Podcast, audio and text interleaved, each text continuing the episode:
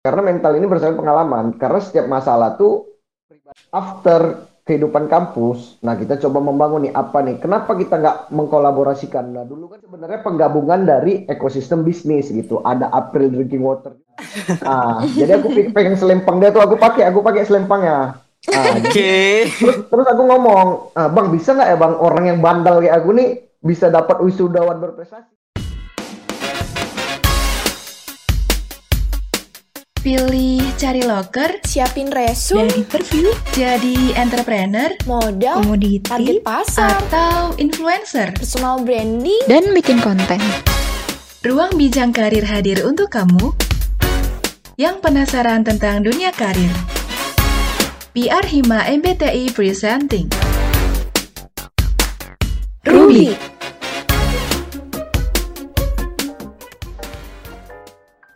Halo Sobat Ruby. Selamat datang kembali dalam Rubik Ruang Bincang Karir. Bareng aku Dira dan rekan aku Indra Kami berdua akan menemani kalian di episode Rubik kali ini.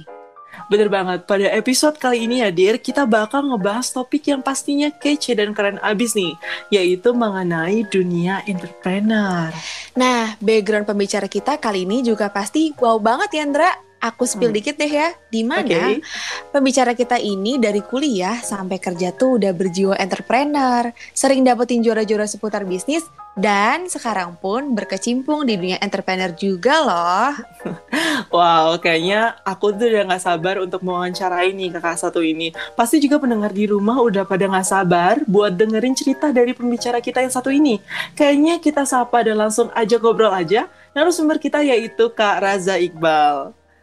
Hai Kak Raza. Hai Kak Raza. Hai Dira. Hai Indra.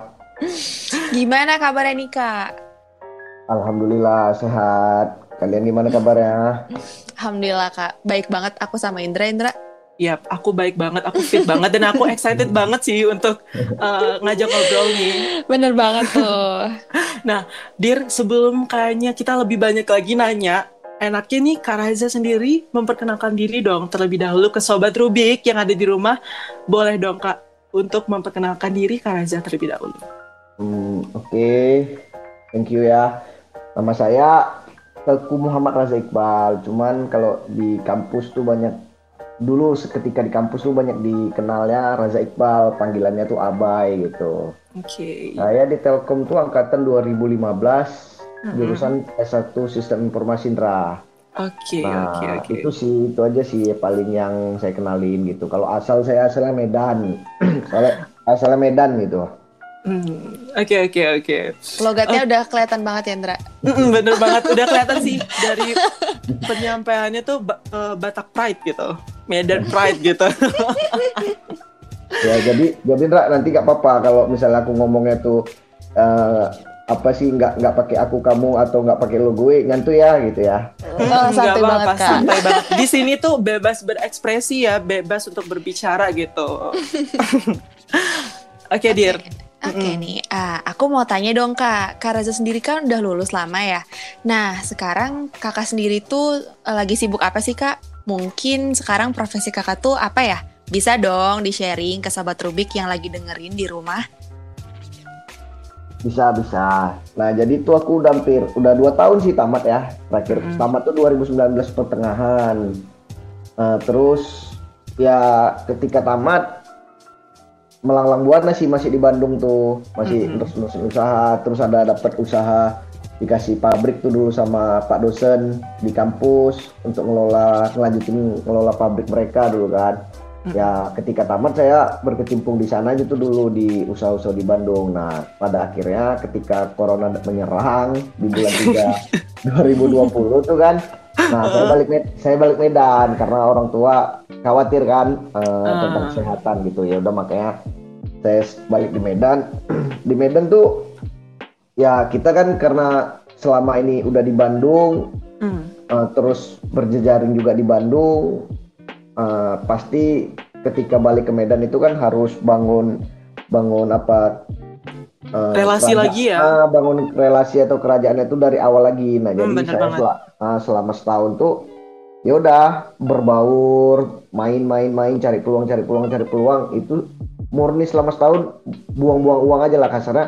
Buang-buang Hmm. uang untuk main untuk ketemu A ketemu B ketemu C untuk cari-cari peluang kan. Hampir ya 8 bulan lah hampir setahun gitu nah tapi emang tetap masih ada bisnis bisnis di Bandung yang masih berjalan Oke. nah tapi untuk kita pindah di Medan kan belum dapat lagi bisnis bisnis barunya Hmm. Nah mungkin di 2021 kemarin dari bulan 2 lah dari bulan 2 ya kita udah bener-bener dapat peluangnya akhirnya berjalan gitu. Kalau sekarang tuh saya di eh, ada PT sendiri sama teman lah ikut di teman eh, punya perusahaan sendiri itu sih Oke. sekarang nah, kegiatannya. Nah kalau bergeraknya PT kita tuh bergerak di general kontraktor, terus bergerak di perkebunan, pertanian, ya ke arah arah sana lah. Pokoknya perdagangan umum, bebas, ya, Oke. Menarik Apa banget ya yang- Andra. ya itu itu sih gitu.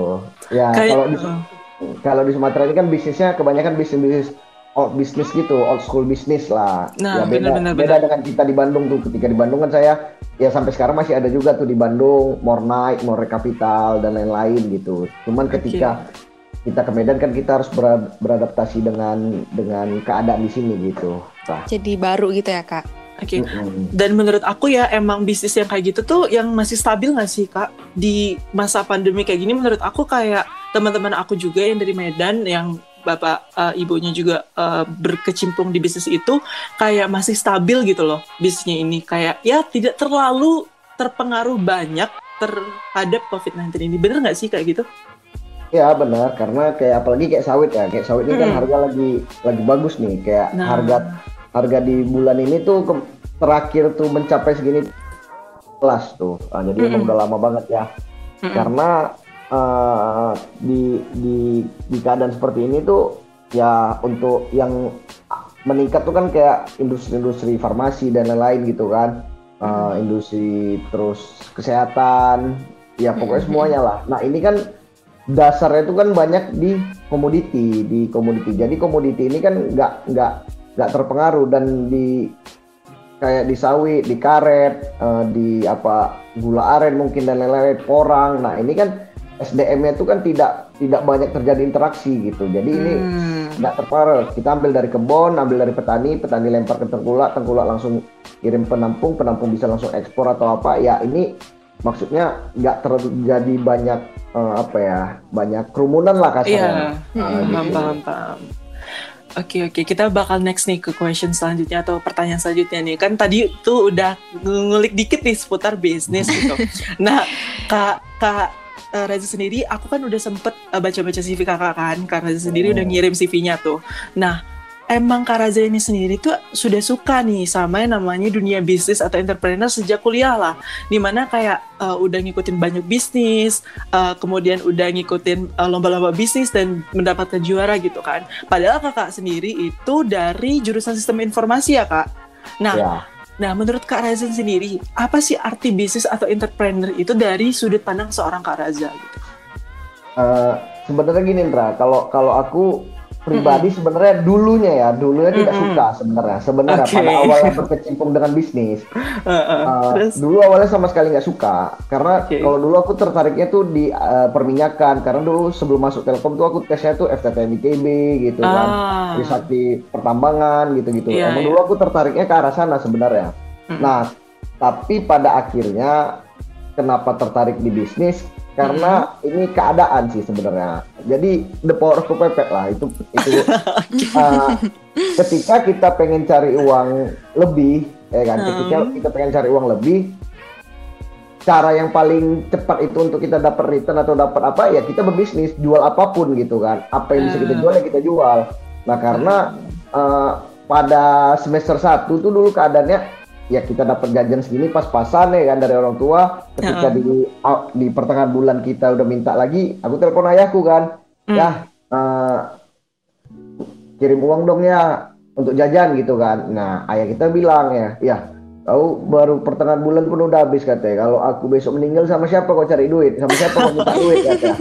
Ah, jadi akhirnya ah, jadi akhirnya pada momentum itu itu yang merubah mindset. Oh iya juga ya. Ah, dari situlah aku mulai cari apa di di Telkom apa yang bisa aku jual gitu-gitu. Bahkan pertama kali aku debat di Bandung dan di di Telkom itu yang aku jual pertama kali itu bunga mawar untuk acara MBTI itu dulu 2015 tuh.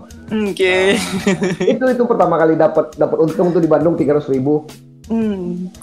Itu Dra. Jadi Oke. itu jadi bukan kita tertarik tapi karena terpaksa sebenarnya. Hmm. Tapi Berawal dari terpaksa. terpaksa gitu Iya, ya. Tapi iya, jadi-. Eh, Sukses. amin amin. Ya kayak em, mengambil seluruh kesempatan lah yang ada gitu ya. Kan waktu itu Betul. tadi Kak eh, Raza sendiri bilang menjual mawar nih sampai menjual mawar kayak hal sesimpel itu bisa jadi seorang pembisnis gitu loh kayak oh itu emang udah eh, apa ya arahnya eh, jadi bisnis kayak gitu. Oke oke Dir. Bakal nanya apa lagi nih kita Dir? Nah, eh, ini tuh nggak jauh-jauh sih dari entrepreneur. Mm-mm. Aku pengen tahu nih, menurut Kak Raza sendiri, apa sih yang perlu dipersiapkan untuk menjadi seorang entrepreneur? Apakah itu mental atau ada hal lain yang perlu disiapkan nih Kak? Sebenarnya kalau itu emang benar yang pertama kali itu untuk eh, jadi entrepreneur itu mental. Nah, makanya eh, banyak nih teman-teman kan aku aku berpandangan ketika teman-teman dulu di kuliah kan Iya, benar. sebenarnya untuk membangun mental tuh enaknya ketika kita masih kuliah sebenarnya. Kalau pandangan Hmm. pandangan saya pribadi ya, Mm-mm. Uh, karena ketika ketika kita sudah tamat di kuliah, terus baru kita mencoba membangun mental pengusaha atau apa, ya ini udah udah udah eh, bukan telat, tapi menurut aku udah kurang semaksimal ketika kita di kampus. Karena apa? Ketika kita dulu di kampus, kita pengen bangun bisnis, ya kalau gagal duit kita habis untuk beli barang atau apa barang yang nggak nyampe, kita masih punya kos-kosan teman-teman, masih bisa numpang di Mm-mm. tempat teman-teman, Mm-mm. masih ada jajan dari orang tua. Eh, masih bisa numpang makan sama teman-teman gitu kan. Nah jadi ini momentum yang paling tepat itu ketika sekarang sebenarnya ketika teman-teman adik-adik itu masih kuliah. Nah kalau nanti kalau nanti ketika kalian sudah tamat ya emang juga bisa bisa bisa mencoba tapi maksudnya kan ketika kita sudah tamat kuliah kan kita segan nih minta jajan sama orang tua karena Ah, kita benar-benar. Hmm, Karena ketika kita tamat dari kuliah itu ya seutuhnya tanggung jawab diri kita pribadi itu ya sudah lepas gitu. Tapi kan kalau kita masih kuliah ya kita masih bisa bilang ya bun, eh, aku nih tanggung jawab ayah bunda sih gitu. Mm, Ya mm, mm. itu kan bagi bagi yang orang tuanya mampu mengkuliahkan. Setuju Cuman banget. Kan, mm, banyak juga teman-teman yang lain ada juga kan yang emang kondisi ekonomi keluarga juga ah, terpuruk atau apa ya ketika di kuliah ini kan banyak banyak pergaulan banyak relasi. Beda deh ketika kita nanti sudah tamat ya. Teman kalian ya ketika kalian di ngantor di sebuah perusahaan ya teman kalian mungkin terbatas di situ aja. Waktu kalian Hmm. terbatas dari pagi sampai sore. Kalian mungkin ada waktu hanya ketika Sabtu atau Minggu gitu.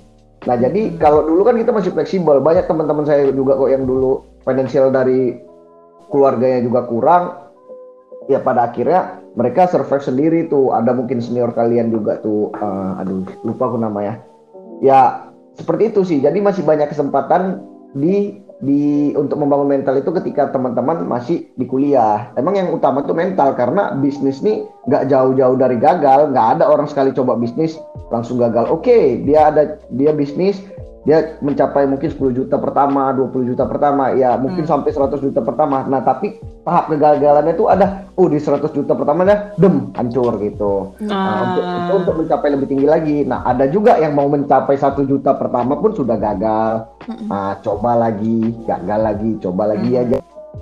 Mental sebenarnya itu aja. Oke, emang ber- berarti pesan dari advice dari Kak Raza saat ini tuh mental kita harus dipersiapkan dari sejak kuliah ya, Dir. Berarti, Paling utama ya Kak, Hmm, emang Ya, itu kuncinya gitu. berani Hmm. dulu. Nah, nah Kak tadi kan Kakak tuh udah cerita kayak masalah mental, ter- eh, terus eh, mental yang kuat lah gitu. Nah, ada nggak sih momen saat Kak Raza itu di mana oh ini aku menemukan nih titik di mana mentalku udah udah terbentuk gitu pas kuliah. Ada nggak sih momen yang teringat gitu waktu itu? Pas saat apa gitu? Mentalnya kebentuk itu ya. Iya, kayak momen saat oh ini nih aku tuh udah survive lah gitu. Gitu. Saat itu. Kalau kalau aku gini, maksudnya ini kan kita beda-beda nih eh, Iya, cara cara benar. ah, cara cara orang Mhm. mengatasi apa ya mengatasi masalah problem kan. Nah, ketika Iya, aku aku tuh pribadi ya kan. Jadi kayak ya kalau sebenarnya gagal gagal tuh enggak gitu kalau aku bilang ya. Mhm. karena prinsip aku tuh kan kalau gagal tuh ketika kita tidak bisa bernapas lagi ya itu udah gagal lah, udah selesai gitu kan.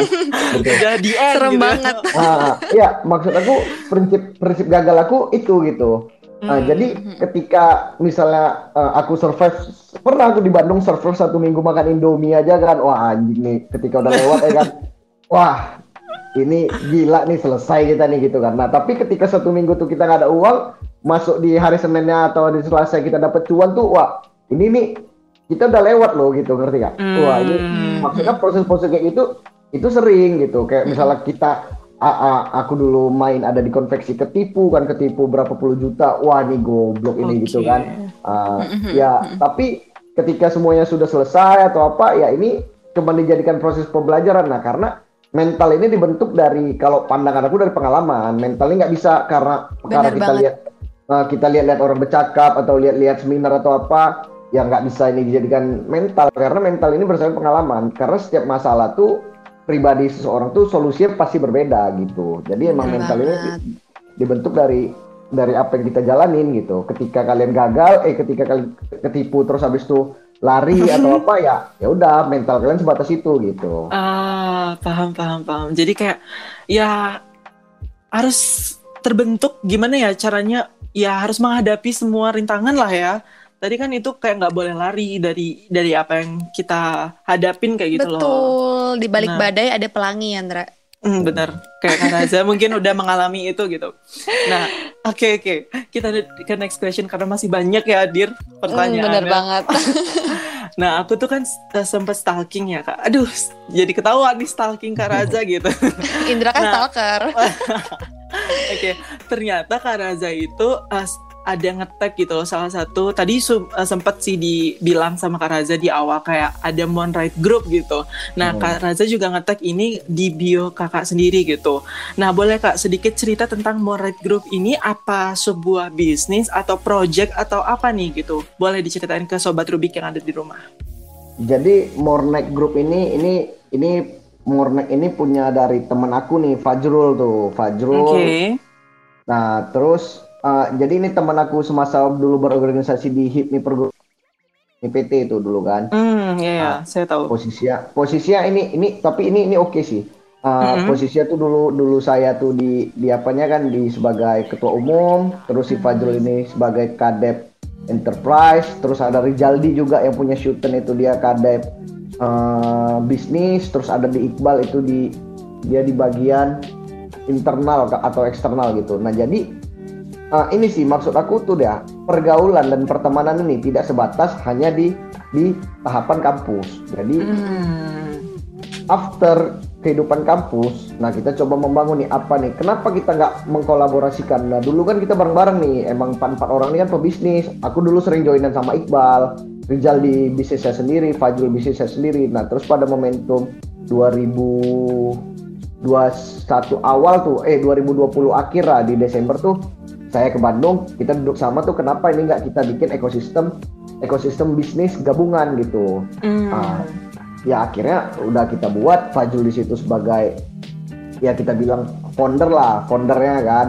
Nah, terus ada Jaldi ada saya ada Iqbal. Nah di situ kita bikin grup ada Morne Capital. Morne Capital ini kita mengelola uang-uang uh, untuk di saham gitu kan. Terus ada Oh. Rulu- uh, terus ada Rulus Night ada Hungry House Burger terus ada kawanan foto studio terus ada Morai Coffee, ada Shooten, Shooten brand baju kan fashion. Nah jadi ini sebenarnya penggabungan dari ekosistem bisnis gitu. Ada April Drinking Water juga tuh dulu. Nah, Jadi Oke. ah, ini menggab kita menggabungkan, menggabungkan kekuatan kita masing-masing. Kasarnya, oh si Fajrul dia jago di mana? Dia jago di manajemen mungkin gitu kan. Ada si Iqbal jago di marketing. Nah ada aku mungkin cuma jago ngebacot doang.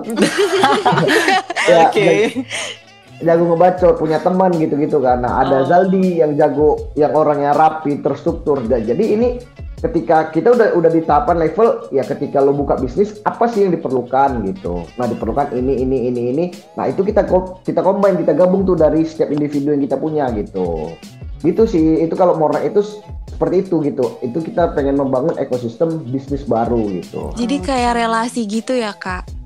Mm-mm. penggabungan dari beberapa bisnis gitu lah. Dan Uh, dan aku tuh yang nge-highlight dari tadi Kak, uh, Kak Raza sendiri tuh emang kuat banget di bidang relasi nih kayaknya ya, Dir. Kayaknya emang Kak Raza ini sendiri emang kalau misalnya di sebuah sosialisasi atau pertemanan gitu, kayaknya dia paling banyak punya temen deh. Betul. iya gak sih? Kayak menurut aku emang itu penting banget sih kalau misalnya kita nggak punya relasi ya. Misalnya eh, teman kita itu itu aja ya. Gimana caranya kita bisa berkembang? Terus gimana pemikiran kita bisa terbuka gitu gak sih kak? Benar banget. Uh, uh, relasi itu ya. penting banget menurut aku mm -mm. juga. Emang salah satu faktor terpenting dalam ya melakukan apa pun deh, bukan hanya bisnis aja ya kak, tapi kalau misalnya mau bekerja atau apa pun deh, kayaknya relasi itu emang sangat penting kayak gitu. Uh, ya, tapi itu dia kebanyakan orang kan tapi menyalahkan uh, menyalahkan arti relasi nih. Banyak dulu hmm. banyak banyak dari teman-teman yang ketika bergaul hanya mengejar oh aku aku harus bergaul sama dia nih, berteman sama dia nih gitu kan. Maksudnya tapi memiliki pandangan oh aku harus bergaul sama dia nih. Dia nih kayak gini kayak gini kayak gini kayak gini. Nah hmm. ya ya kasarnya jadi asas manfaat lah gitu kan. Betul. Nah, okay. kalau aku uh, kalau aku yang sebenarnya aku menjalani gini uh, ketika kita berteman sama siapa pun aku nggak pernah memandang oh perkara dia punya mobil ataupun perkara dia anak orang kaya atau apa yang ada. Aku nggak nggak hmm. seperti itu gitu bertemannya. Cara aku berteman nggak seperti itu gitu kan. Karena ya aku menyadari prinsip uh, kita ini bukan siapa-siapa, tapi siapa pun dapat menjadi apa pun gitu gitu kan. Nah okay. jadi uh, ya aku berteman tuh ikhlas aja ya ketika ini ya udah ketika masuk ya oke kita berteman ya ketika nggak masuk ya cabut cabut aja kok nggak usah berkawan sama aku gitu aja kan ya tapi aku nggak pernah mengharapkan pertemanan ini oh karena dia anak ini anak ini anak ini atau dia punya ini punya ini ah jadi ketika kita sudah berpikir hal-hal tersebut untuk berteman Nah, ini pertemanannya tidak murni, tidak real. Ketika kita pun ada masalah, kita nggak mau bantu masalah dia. Dan ketika dia pun punya masalah, kita nggak mau bantu masalah dia. Oke, mungkin kita mau bantu masalah dia, tapi kan kita mengharapkan imbalan. Nah, ini nggak boleh sebenarnya gitu okay, Oke, okay. okay, buat teman-teman atau sobat Rubik nih ya yang dengar tuh dapat catatan dari seorang Kak Raza di mana relasi itu jangan diartikan memanfaatkan teman kalian, tapi kita banyak tuh, yang kayak gini Indra. Uh, banyak sih, aku juga udah beberapa kali ya sempat menemukan teman yang modelan gini ya nggak apa-apa, itu dijadikan pengalaman cuma kita harus bisa ya setidaknya kalau di bahasa biologi tuh simbiosis mutualisme. mutualisme. Nah bener. ya harus ada take and give-nya dong. Bener betul. banget, betul. Oke, Dir. Nah, ngomong-ngomong masalah stalking Nindra, aku okay. juga sempat stalking nih IG-nya Karaza. Ada yang unik dan menarik di mana Karaza sendiri itu menjadi wisudawan berprestasi loh. Nah, aku pengen tahu Kak, gimana caranya Kakak bisa jadi wisudawan berprestasi? Nah, apa aja sih kriterianya Kak kalau boleh tahu? Nah, sebenarnya ini kalau cerita wisudawan berprestasi nih. Jadi ini dari ketika dari aku tamat terus sampai di tahun ini tuh setiap level underling junior aku tuh meneruskan sebenarnya di okay. di Senan, di Rian tuh Rian mulai di sini tuh tahu nggak Rian MBTI juga Senan akuntansi. Nah sebenarnya ini kalau cerita wisuda berprestasi aku tidak pernah uh, tahu tentang wisuda berprestasi ini. Nah gitu kan. Nah kalau kalau kayak dulu kan ada kita Mapres mahasiswa berprestasi. Mm, iya, nah, itu kan. Nah, kalau di Mapres mahasiswa berprestasi ini kan di zaman aku tuh di, di tiap level tuh beda-beda nih di semester semester tahun pertama ini, tahun kedua ini gitu-gitu kan. Mm-hmm. Nah, jadi ini ceritanya sebenarnya aku lagi di magang di Pertamina tuh dulu kan. Terus ditelepon sama pihak kampus dibilang wisuda berprestasi, terus diminta kirim data gitu. Kita pun bingung apa ini kan Nah ternyata itu di 2019 ini wisudawan berprestasi wisudawan berprestasi ini salah satu hal yang baru kalau nggak salah ya. Mm-hmm. Sebenarnya sebelum-sebelumnya tuh ada kayak di tahun 2016 tuh ada wisudawan berprestasi. Nah jadi ini ceritanya ya itulah aku percaya dengan akan ada omongan. Jadi ada dulu senior aku Bang Bang Imran sekarang kerja di Flip dia kalau nggak salah kan. Nah dia dia tuh wisuda berprestasi. Nah aku tuh di 2016 tuh atau 2017 tuh masih Bandung-Bandungnya lah, masih bandel-bandelnya kan. Nah, jadi aku pengen selempang dia tuh aku pakai, aku pakai selempangnya. Nah, Oke. Okay. Terus, terus aku ngomong, ah, bang bisa nggak ya bang orang yang bandel kayak aku nih bisa dapat wisudawan berprestasi gitu ya kan? Nah hmm. bisa aja gitu kan. Nah udah abang nggak ada masalah jalanin aja itu kalau emang rezeki kamu bisa itu katanya. Nah pada dulu dulu itu kategori untuk wis, wisudawan berprestasi ini ketika kita memiliki nilai TAK paling banyak gitu. Oh. Nah, jadi dari baru TAK tahu. paling banyak. Nah, tapi ketika di zaman aku di 2019 kemarin aku wisuda. Nah, ini kategori eh, entrepreneur, pokoknya mahasiswa berprestasi, eh wisudawan berprestasi ini ketika ada TAK, a- ada organisasi gitu, terus ada prestasi, eh, terus ada nilai IPK, terus tapi dia mencapai juga organisasi bagus dan lain-lain. Terus satu lagi ini ada ini yang kategori baru itu yang eh, entrepreneur kalau nggak salah. Pokoknya Hmm. itu dia di di aku tuh aku pun lupa sih namanya. Pokoknya entrepreneur lah. Kita memiliki bisnis gini-gini lah gitu. Entah omset terbanyak atau apa gitulah sebenarnya. Atau yang kreativitas aduh lupa aku namanya. Bisnis kreatif lah pokoknya. Yang yang maksudnya sering ada gagasan-gagasan ini gini kayak aku kan dulu ada hal baru ini ini ini. Pokoknya ter- terkait dengan mencakup scope bisnis atau entrepreneur. Nah ini salah satu uh, parameter yang baru gitu. Nah itu sih sebenarnya. Nah ini kan di di di, di- diambil dari pentolan-pentolan setiap fakultas. Nah setiap fakultas baru ini di di dilombakan lah. Di ibaratnya di compare lagi nih mana nih gitu kan Uh, sebenarnya kalau aku pribadi, aku tuh pas-pasan aja sebenarnya. Uh, iya, jadi gini, uh, ada teman aku kan, Uh-uh. itu tuh adiknya Juragan 99 tuh. Oke, Ah, ya adiknya tahu tahu. Bilang Juragan 99 itu kan dia satu jurusan aku kan. Nah, dia tuh wisuda berprestasi juga. Nah, tapi dia emang dia galakin di prestasinya aja, prestasinya banyak banget. Kalah prestasi aku kan, banyak banget prestasinya. Terus ada teman aku anak Manado lupa aku namanya kan.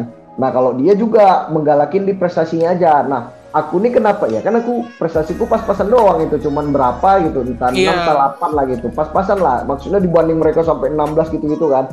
Nah, ternyata eh, setelah aku tanya, aku bilang, jadi ini aku mencapai semuanya, nilaiku aman, eh, prestasiku ada dan meningkat dari level level kampus, fakultas, naik ke Bandung, naik Jawa Barat, naik nasional, naik ASEAN, naik internasional. Nah, ini tahapannya ada gitu. Nah, Hmm. terus aku ada di eh, nilai tadi oke, TAK juga oke, aktif organisasi kan TAK nyampe lah 200-an lebih lah kalau nggak salah, hampir 300 lah kalau kalau semua aku masukin, cuman kan nggak semuanya aku masukin kan mager kan. Wow, Hmm. banyak. Banyak ya. Eh, nah, yang terakhir ini itu kreatif, kreatif, kreatif eh, entrepreneur lah gitu kan. Nah, Mm-mm. nah aku mencakup ini semua sih sebenarnya. Makanya ketika yang speech waktu pidato wisuda itu aku padahal kan kalau secara prestasi nih ya di situ kan bacanya wisuda berprestasi. Kalau lingkup prestasi aku jauh dibanding dua teman aku yang yang saat itu eh, berbarengan ya gitu. Hmm, berarti kayak Ah. harus kriterianya tuh balance gitu ya antara pendidikan kuliahnya, prestasinya, organisasinya, TAK-nya juga ya. Kategori Ya. penilaiannya ya, banyak. Uh, kategori Ya, penilaiannya nggak cuma empat lah, satu. empat, empat kategori itu sekarang ya setahu aku ya Nah, Mm, mm, mm, mm. itu sih Indra Oke oke seru ya bahas wisuda berprestasi. Soalnya kan biasanya kita tuh cuma tahu mapres, Mapres. gitu kan. Benar. Ini tuh kita stalking ternyata loh kok ada eh, selempang wisuda berprestasi. Ini kayak suatu yang unik gitu loh dan menurut kita banyak yang nggak tahu ya Dir. Aku untuk juga baru kriterianya. tahu. Aku juga Nah, baru itu. tahu. Oh, ternyata gitu ya. Ternyata kriterianya banyak. Eh, ternyata untuk yang dinilai itu nggak cuma satu aspek aja, tapi banyak aspek gitu. Benar banget. Hmm. Nah, nah, nah. Ah, ada nih pertanyaan eh, berhubungan dengan prestasi. Kan tadi Kak Raza sendiri bilang balance gitu kan, balance. Nah, gimana sih eh, Kak Raza sendiri itu membagi waktu? Kan Kak Raza itu ya, kalau bisa dibilang termasuk yang aktif ya pas kuliah dulu tuh, kayak organisasi iya, lomba tuh aku lihat juga iya dan menghasilkan dulu lagi juara-juara gitu kan. Terus eh, belum lagi ada hal-hal lain kayak yang pacaran nongkrong ya kan? Nah, ba- banyak ya perkuliahan dan itu kan banyak banget yang perlu dibagi-bagi waktunya ya. Nah dari Kak Reza sendiri tuh apa sih yang memi- prinsipnya Kak Reza tuh apa sih pas kuliah itu kok bisa bisa membagi itu jadi semuanya tuh ada hasilnya gitu loh dan hasilnya tuh positif semua kayak gitu. Gitu Kak. nah ini nih ini ini sebenarnya rahasia yang selalu ditanyain sama orang-orang yang kebanyakan kebingungan nih sama aku gitu kan Nah, bener bener bener. jadi sebenarnya Indra kalau aku nih gini aku tuh dari dulu nggak pernah nggak pernah nggak pernah memimpikan atau apa menjadi ini ini ini nggak pernah Tapi aku maksudnya selalu jadi pengen selalu be the best and do the best. Nah, di mana pun aku berada gitu. Ketika dulu aku di kuliah, dulu aku tuh sempat di di 2018 atau 2017 itu di atau entah di 2016 lah aku lupa lah. Pokoknya ada tuh di momentum aku di, di, di jadwal yang padat-padatnya. Organisasi ada tujuh organisasi, nongkrong aku tetap jalan, kuliah tetap jalan, uh, bisnis aku juga jalan punya kan lagi ngejalan bisnis ngebangun startup saat itu. Terus dunia malamnya juga jalan gitu kan. Nah ini hal yang dibingungkan sebenarnya. Aku pecah fokus satu tuh sampai 12 hal. Nah sebenarnya ketika sekarang ketika setelah tamat aku baru sadarin apa ya yang bikin aku bisa seperti itu? Mm. nah ternyata hal yang buat aku bisa seperti itu cuma dua kuncinya. Yang pertama aku kurangin jam tidur dan yang kedua aku bisa bergaul. Udah itu aja. Oke. Okay. itu aja dua kunci ya kita maksudnya uh, ketika kurangi jam tidur tuh aku dulu sering tidur telat bangun pagi gitu gitulah hmm. kasarnya. Atau misalnya uh, aku kuliah jam berapa nih? Jam pagi ya aku tidur agak cepat. Nanti pagi itu dari aktivitas sampai sore sampai malam lagi tuh aku fullin aku padetin. Nah gitu gitu nah dan yang kedua itu emang yang banyak bantu aku teman-teman tuh. Kayak di kelas contoh kuliah kan uh, ada misalnya uh, mat, uh, pelajaran yang nggak bisa yang kita nggak bisa penuhi atau kita nggak bisa ikut hadir datang kelompok. Nah ketika kita bisa berteman kan pasti teman-teman yang lain kan nggak ada masalah oh iyalah biarin aja si abai nggak apa-apa udah kita bantuin aja gitu. Nah tapi kan ada ketika orang-orang yang uh, udah nggak pernah datang ikut kelompok tapi ngeselin gitu. Nengok mukanya gitu udah kesal kan kayak gitu kan? Betul. Nah, bener banget kak. Ya Allah. Ada tipikal-tipikal yang kayak gitu gitu. Nah mm-hmm. jadi kalau aku tuh nggak dulu misalnya teman-teman nih baik ada kelompok ini nih misalnya alpro algoritma pemrograman katanya. Nah kita kan nggak paham gitu kan. Ya udah kalian ngerjain di mana nih? Di sini dari jam sekian sampai jam sekian katanya. Jam 8 sampai jam 9 mungkin kan. Oh jam segitu kan aku ada rapat gue bilang. Aku nggak bisa aku bilang ya kan.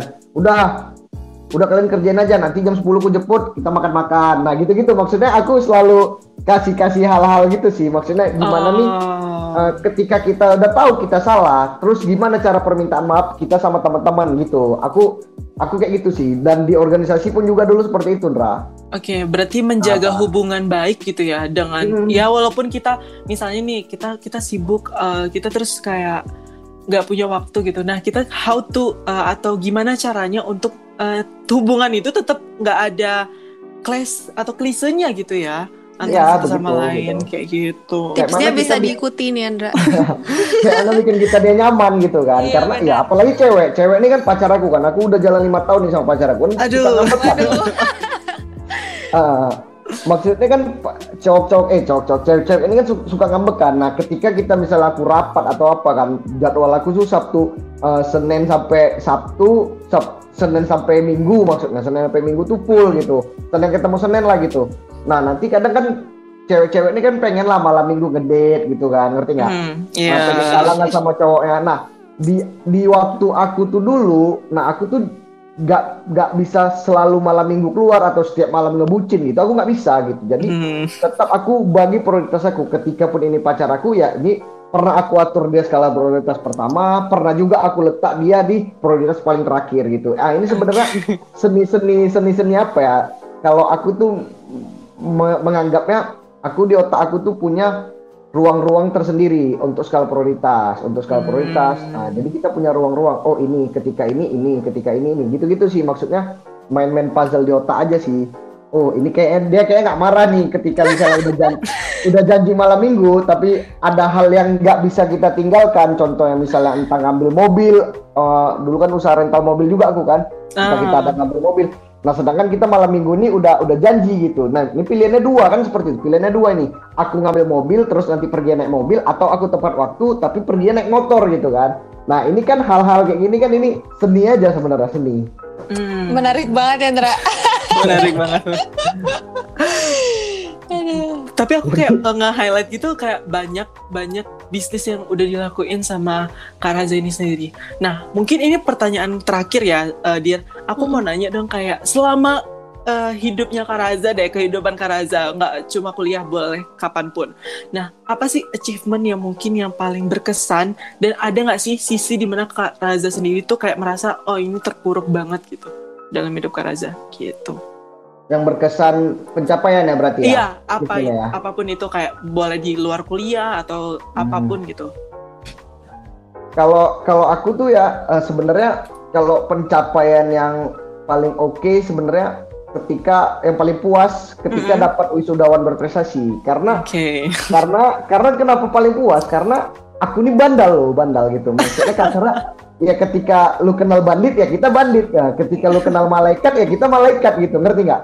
Jadi aku menganggap diri aku nih bandit gitu kan. Dan Hmm. ada satu satu momentum yang bikin aku tuh puas bangga sedih gitu kan. Karena keti- kakakku kan telkom juga tuh kan. Hmm. Uh, jadi dia ketika dia tamat kumlot, uh, kumlot itu kan orang tuanya di baris pertama tuh, tapi di belakang mahasiswa nih, ini mahasiswa, terus di belakangnya itu kan orang tua, tapi di ayah bundaku tuh di baris pertama orang-orang tua gitu kan. Hmm. Nah, terus ayahku ada bilang, "Eh, ini itu saat itu aku masih masih gondrong, rambut gondrong, celana masih rip jean, kancing buka dua, masih bandit lah kasarnya kan. Itu itu masih bandit gitu. Bisa Kebayang, iya Ah, kebayang.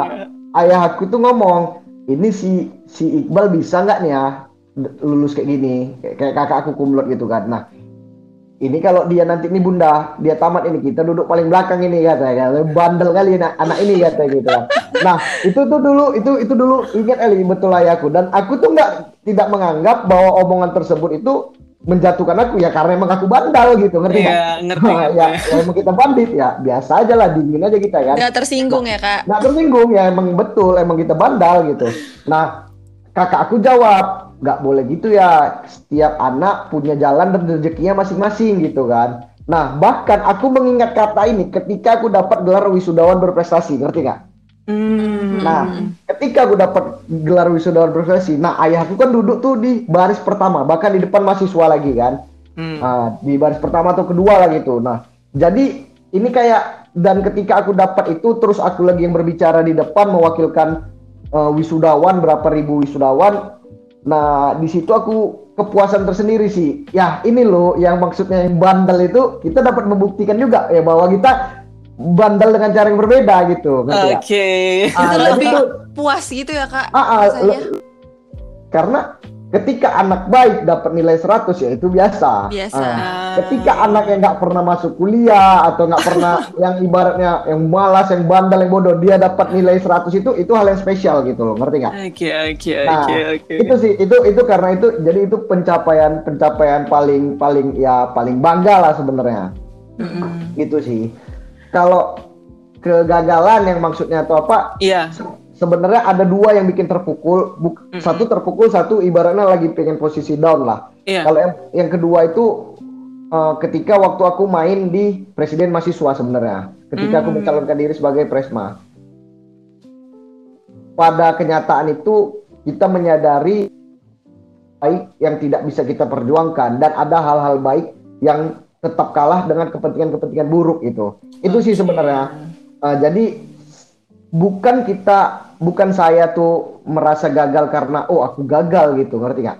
Uh, Mhm. Bukan karena gagal, tapi yang yang sangat disesalkan itu uh, ada kepentingan kepentingan jahat yang lebih besar dari kepentingan orang baik. Itu aja sih kasarnya. Itu yang bikin kita wah sebajingan ini sih maksudnya dari tingkat kampus saja ya bandit masih ada yang lebih bandit lagi gitu kan ternyata ada bandit baik Robin Hood kasarnya kan dan emang benar ada bandit-bandit bandit sesungguhnya gitu sih maksud aku gitu jadi ya itu salah satu bentuk kekecewaan sih terhadap uh, sistem di Indonesia bahkan kan kayak di kampus ini kan ini kan apalagi Telkom ini kan miniatur Indonesia gitu kan Hmm. kita ada dari dari seluruh pulau dari Iya, daerah benar-benar. mana pun ya Benar, menganggap Pak. Telkom ini miniatur Indonesia dan ternyata sikap-sikap seperti itu ya itulah men- menampakkan bahwa sikap-sikap Indonesia ke depannya gitu sih. Ah. Oke. Dan yang kedua terhadap Hmm. bisnis sih, terhadap bisnis. Aku pernah bahkan setelah tamat, setelah tamat kuliah, ini kita sempat di tahap turun lagi gitu, ta- tahap turun gitu kan. Hmm. Nah, itu aja sih. Ya di dua dua hal tersebut aja. Yang satu masalah eh, apa ya kemanusiaan lah kasarnya. Yang satu lagi masalah eh, bisnis kita kan. Jadi ternyata Tuhan itu coba kita, ya kan. Hmm. Ketika kita mau mau mau dijadikan lompatan makin besar atau dikasih pengen di depannya makin dikasih gagasan yang besar atau menjadi orang besar ya emang apa hal yang sudah kita pegang ini bakal dihilangkan dulu semua kemudian Hmm. baru kita dibukakan jalan lagi dan jalan ini langsung dia naik di berapa level di kita sebelumnya gitu. Oke Nah, oke, paham nah itu sih paham. gitu. Wah, Iya. insightful banget ya kayak banyak pengalaman hidup dari Karaza ini yang menurut aku ya bisa diterapin lah untuk kita menghadapi nih masa-masa ke depan kita nih untuk menjalani kehidupan gitu ya, Dir. Setuju banget, Ndra. Oke, karena mungkin waktu ya yang terbatas juga dan makasih banyak buat Karaza udah mau luangin waktunya nih buat sharing-sharing bareng Sobat Rubik di episode kali ini nih. Nah, mungkin Sobat Rubik yang masih kepo nih dan masih pengen nanya-nanya ke Karaza, bisa hubungi ke mana, Kak? Ke Instagram boleh Instagram. Hmm. Apa tuh Instagramnya kalau boleh di spill? Raza Iqbal double L. Ah, Raza Iqbal double L. Jangan gitu. lupa ya, Sobat Rubik. Mm-mm. Dan jangan lupa juga ya Dir untuk nantikan updatean dan keseruan lainnya nih tentang Rubik dan proker Hima MBTI lainnya melalui laman Instagram at Hima underscore MBTI dan at MBTI.relation. Bener banget, Tundra. Mungkin untuk closing statement, eh, ada nggak, Kak, yang mau disampaikan untuk Sobat Rubik yang ada di rumah? Kalau closing statement aku nggak pernah apa sih nggak pernah panjang-panjang sebenarnya. Nah, Oke. Tapi ini Mm-mm. ketika teman-teman bisa mengartikan ini sebagai hal yang baik atau apa ya insya Allah apa pun yang teman-teman hadapin pasti berhasil gitu. Kalau aku sih closing, closing statementnya intinya nih jangan hidup di dunia kalau nggak mau bersaing udah itu aja. Oke. Sangat simpel tapi mendalam ya. Iya kayak oke aku aku sangat paham sih maksudnya Kak eh, Raza ini paham apa banget. gitu. Oke itu dia teman-teman closing statement yang sangat luar biasa, singkat, jelas, padat tapi mengena gitu dari seorang Kak Raza ini sendiri. Buat sobat Rubik yang di luar sana mungkin lagi dengerin nih. Nah so segitu aja untuk episode Rubik kali ini. Aku dan Dira pamit undur diri and see you on the next episode. Bye guys. See you guys.